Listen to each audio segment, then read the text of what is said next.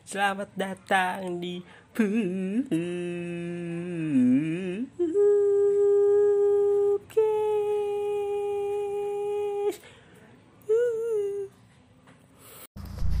Selamat datang kembali di Pupcast episode kedua.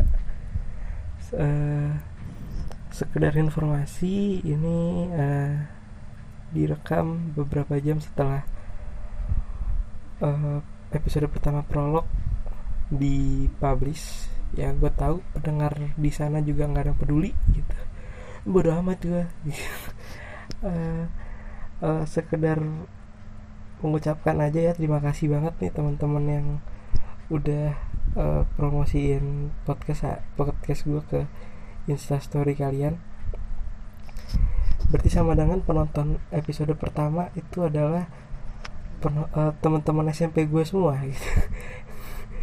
Jadi ya tidak ada orang asing gitu. Gak ada orang asing yang tiba-tiba ya nggak ada lah gitu. Belum ada lebih tepatnya ya. Tapi terima kasih buat udah udah bersenantiasa lah udah udah bersenantiasa ngasih ah, apa ya promosiin di instastory gitu ya walaupun lo juga nggak denger ya bodo amat lah yang penting followers lo banyak terus lo mau promosiin gitu. Definisi pancet sebenarnya tuh ya begini gitu. oke eh, untuk episode kedua kali ini gue gak ada ekspektasi tinggi ya. Gue gak ada ekspektasi tinggi buat kayak oh pendengarnya bakalan banyak. Nih enggak lah. Karena emang dari awal juga eh, tujuan gue bikin podcast beginian juga gak mau apa ya bukan ngincar eh, penonton yang banyak gue ngincar duitnya. Enggak ya. Eh, jadi ya gue juga gak, eh, gak begitu ekspektasi tinggi lah terhadap episode kedua kali ini. Ya, begitu juga episode pertama tadi. Eh, karena tiap kali gue bikin suatu karya gitu. Mau eh, dulu gue sempat bikin webpad gue dulu sempat bikin webpad dan episode episode pertama tuh yang baca dan like banyak lumayan. Terus episode kedua episode ketiga banyak juga. Episode akhir-akhir kok malah makin sedikit gitu. Makin sedikit makin sedikit makin sedikit ya. Jadi ngebikin gue males lagi buat nulis lagi.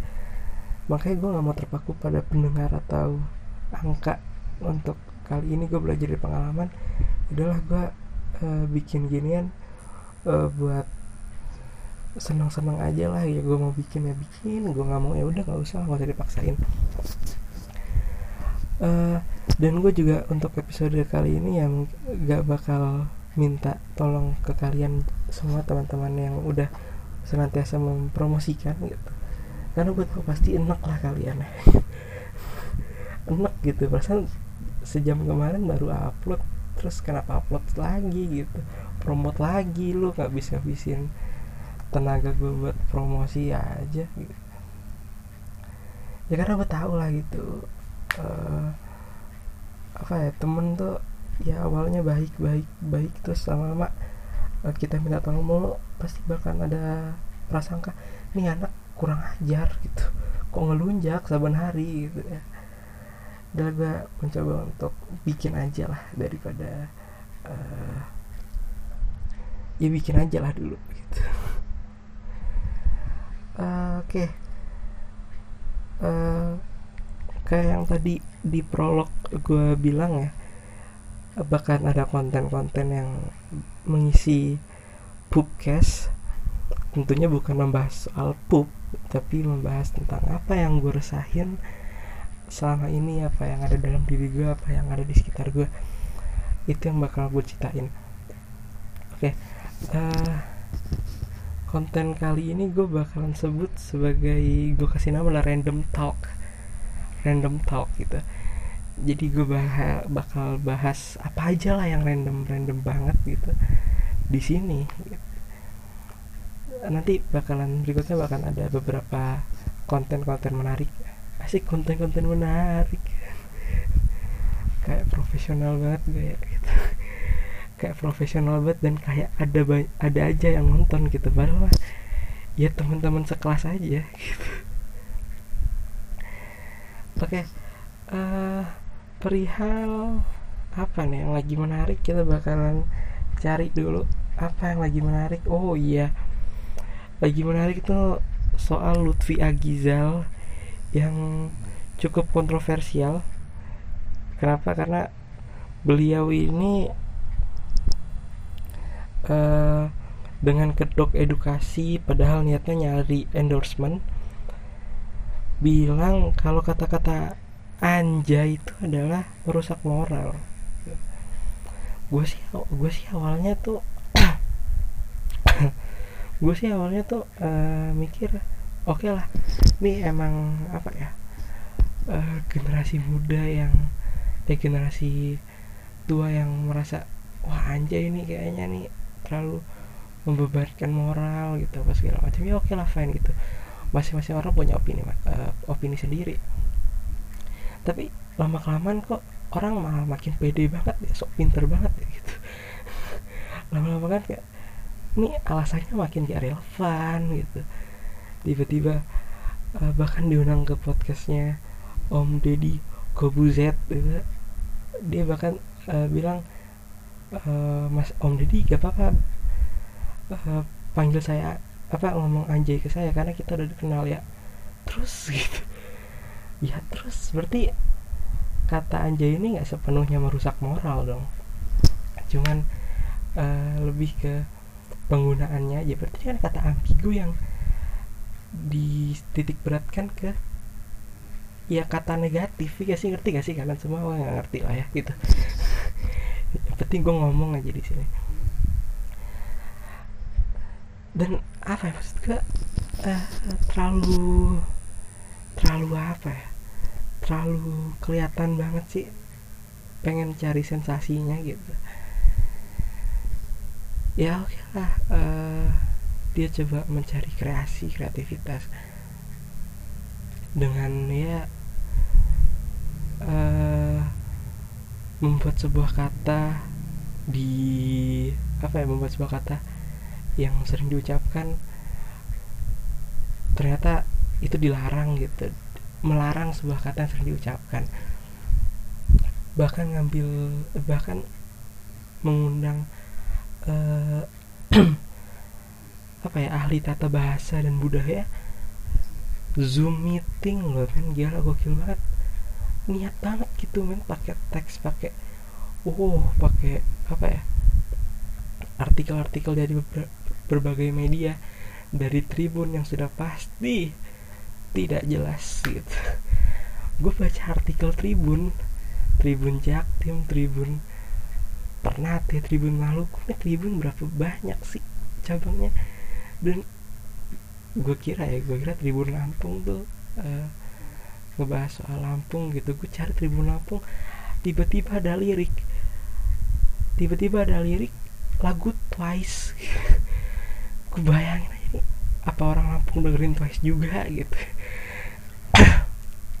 Aduh. Gokil sih gokil sih. Mengatasnamakan uh, edukasi terus dia dengan bangga 77 juta akun Instagram mengunjungi akun saya. Waduh. Berarti kan engine sponsored anda meningkat dong. Endorsement masuk ke mana-mana dong gila. Dan gue baca lagi di instastory dia ini ngakak sih ya bagi gue ngakak. Mungkin buat kalian enggak ya bodo amat. Gue mah ngakak gitu. Bentar bentar gue cari uh, screenshotannya. Ini dia. Jadi uh, di instastory dia yang waktu itu instagramnya masih ada gitu. sekarang mah sudah tidak ada. Sudah kayak dihapus deh karena setahu gue kalau uh, dihapus dari instagramnya langsung biasanya uh, kita cari namanya pengguna tidak ditemukan kan. Tapi ini masih ada gitu namanya uh, dan namanya bahkan masih ada centang birunya kayak dia yang menghapus sendiri gitu kayak mengkosongin langsung aja jadi di instastorynya ada pertanyaan gini nih kak contoh kat ada pertanyaan kak contoh kata anjay ketika digunakan untuk kalimat agresif atau umpatan seperti apa? Terus dia jawab cek al komentar di feed Instagram dan YouTube gue. Maksud gue gini loh. Ini siapa yang nanya? Siapa siapa orang segabut apa yang masih mempertanyakan? Ini gitu. Oke kita coba lihat ke YouTube-nya Mas Lutfi Agizal Lutfi aduh males banget gue bukanya uh subscriber 5,3 ribu subscriber. 5,3 ribu nih kalau di kalau kita ubah ke rupiah tuh 5,3 ribu.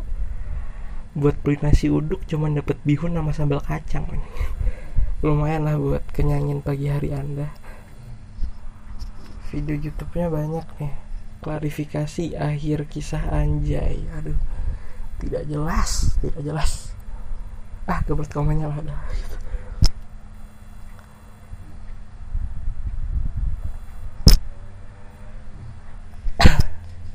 aneh aja sih gue lucu aja sih gitu. Masalahnya cuman perihal lu gak pernah diajak nongkrong sama temen-temen lu gak pernah punya temen gue rasa terus tidak pernah mengucapkan dan mendengar kata anjay itu lo permasalahin gitu. Ya udah lo nggak punya temen ya nggak punya temen aja nggak usah ngajak kita kita yang punya temen. Dan ya biasa aja sama anjay. Tiba-tiba aku tidak punya temen gitu.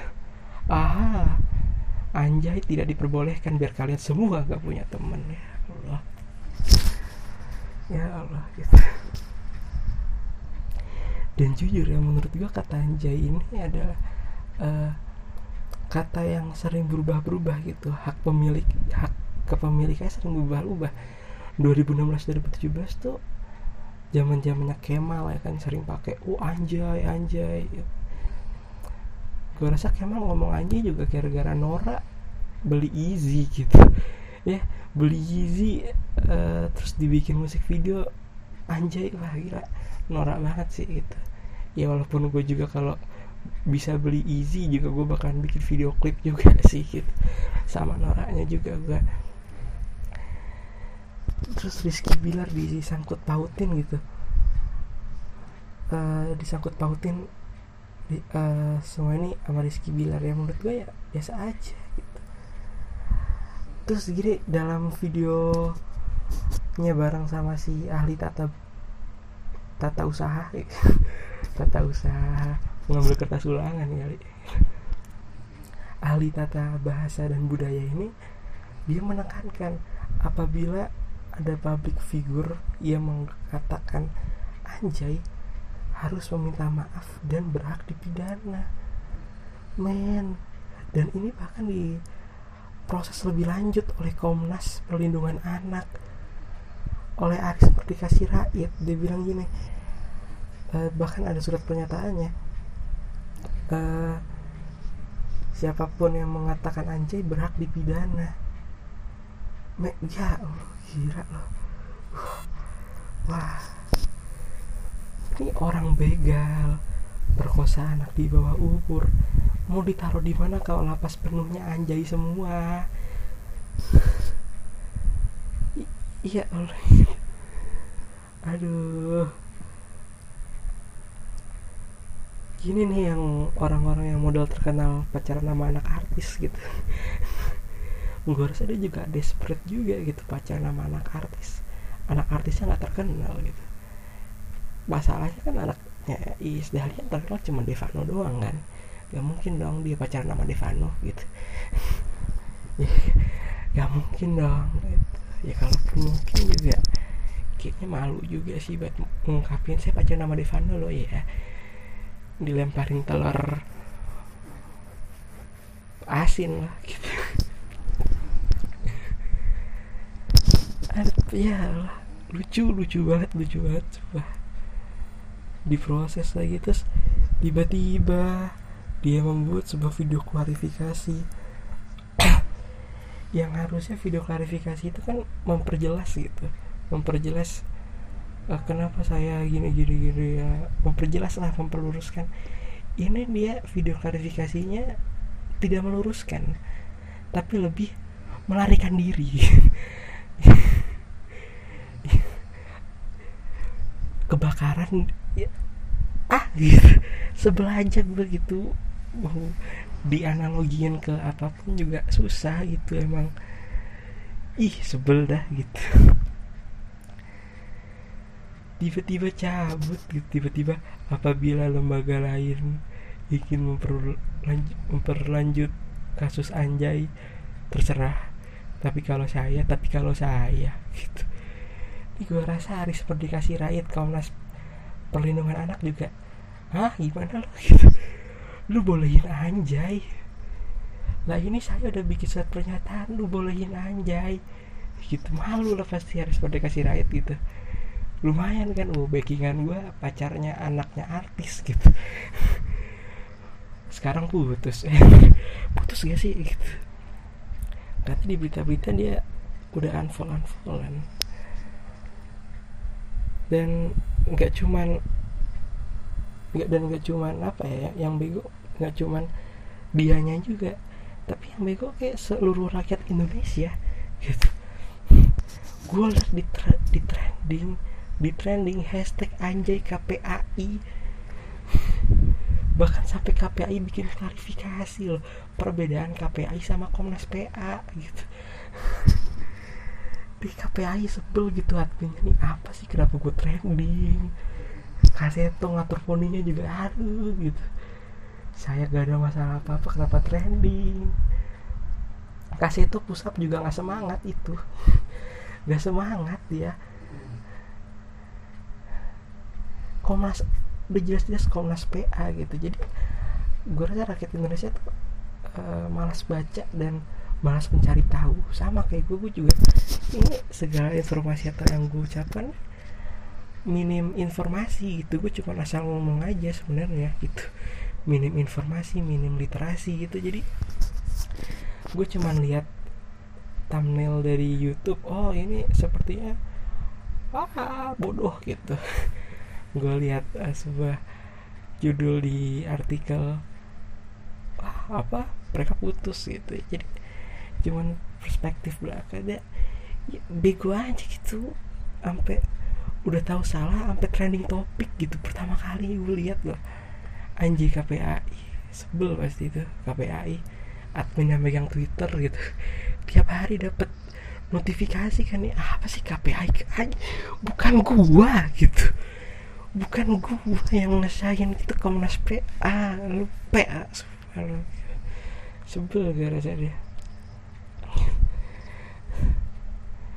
Iya lagi gue bahkan sempet gue nge-tweet ya gue nge-tweet waktu itu uh, uh, gue bilang budaya bahasa itu kan berkembang di masyarakat ya. Budaya selalu melekat dengan bahasa gitu. Jadi uh, bahasa yang kita gunakan ya sesuai dengan budaya yang kita tempatkan itu sesuai dengan tempat yang kita tinggali budaya yang kita lakoni setiap hari. Jadi ya anjay ya no problem menurut gue kenapa nggak masalah ya? Karena ya budayanya gitu. Kalau misalnya lo lihat ada anak uh, kecil di depan rumah lo tetangga lo yang naik sepeda jatuh terus dikatain anjay jatuh.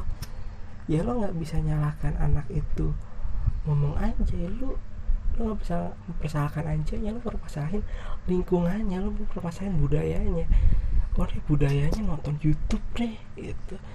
Ya berarti yang harus lo edukasi adalah ke uh, apa ya kuan uh, jumlah penggunaan YouTube bagi atau gadget bagi anak-anak berapa di itu itu man. Itu yang menurut gue yang harus dilakuin. Gak perlu permasalahin anjaynya sotoy banget kan gue ngomong.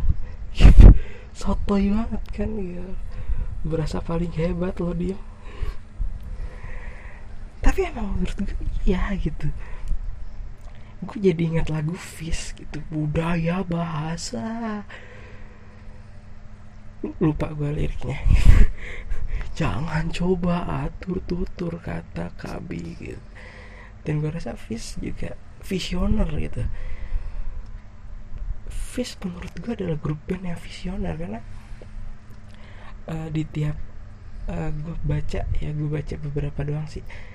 Uh, di Instagramnya dia bilang eh, dia bukan dia bilang sih dia kayak uh, mengarang sebuah cerita.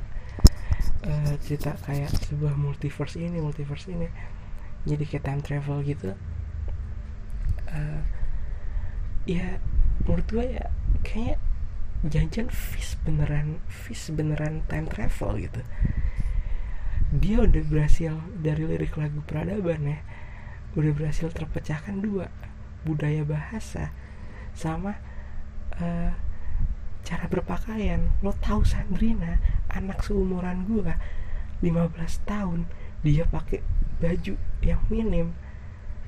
Terus banyak banget uh, followers dan netizen yang komentar gitu wah kamu masih anak kecil pakai baju minim gitu. Terus dia jawab tentang senaknya kita juga punya budaya sendiri. Maksudku untuk seumuran gue ya mungkin beda ya gue followers gue cuma 400 doang gitu. Sementara dia udah verified ada centang biru Iya untuk mengatakan itu adalah sebuah wow gitu. Beda kali ya. Kayak kayak, kayak selain dia selain dia uh,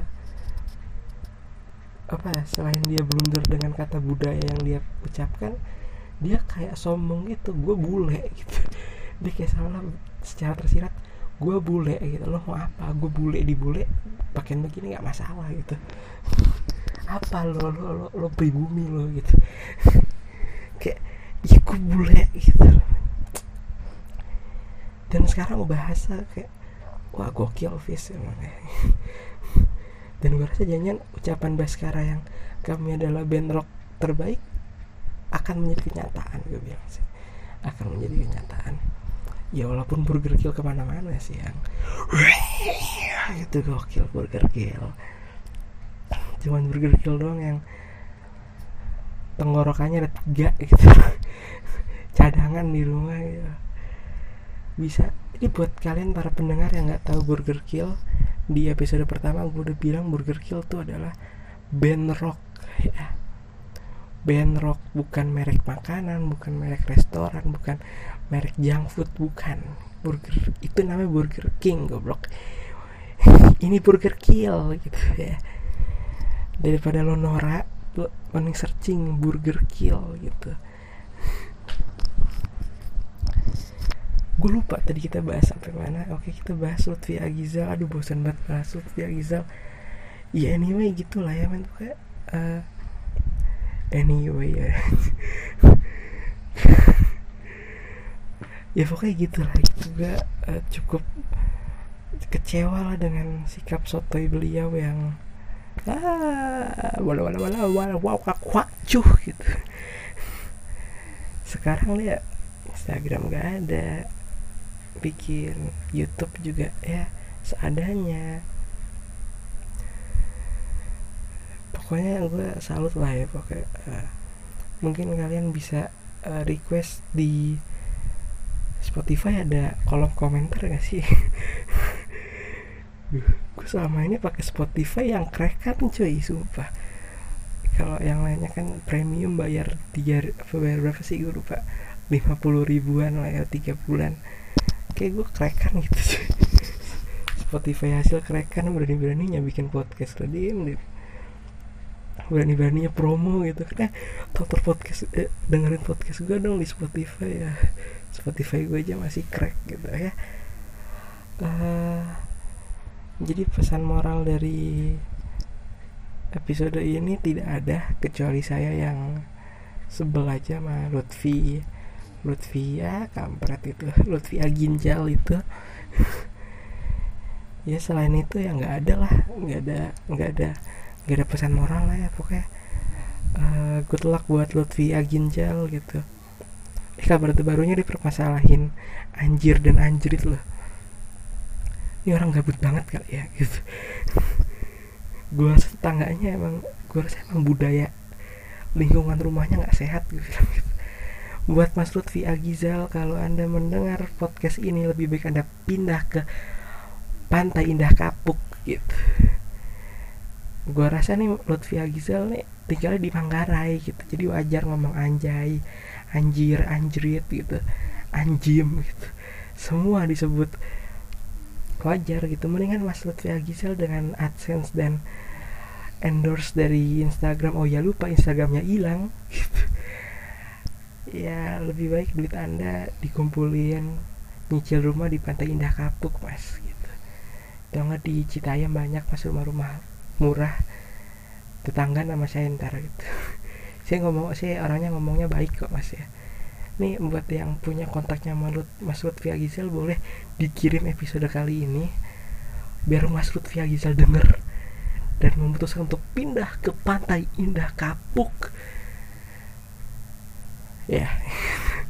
Ya sekian dari gue terima kasih udah dengerin podcast kali ini. Uh, apalagi ya udahlah nggak ada lah ya terima kasih udah dengerin podcast kali ini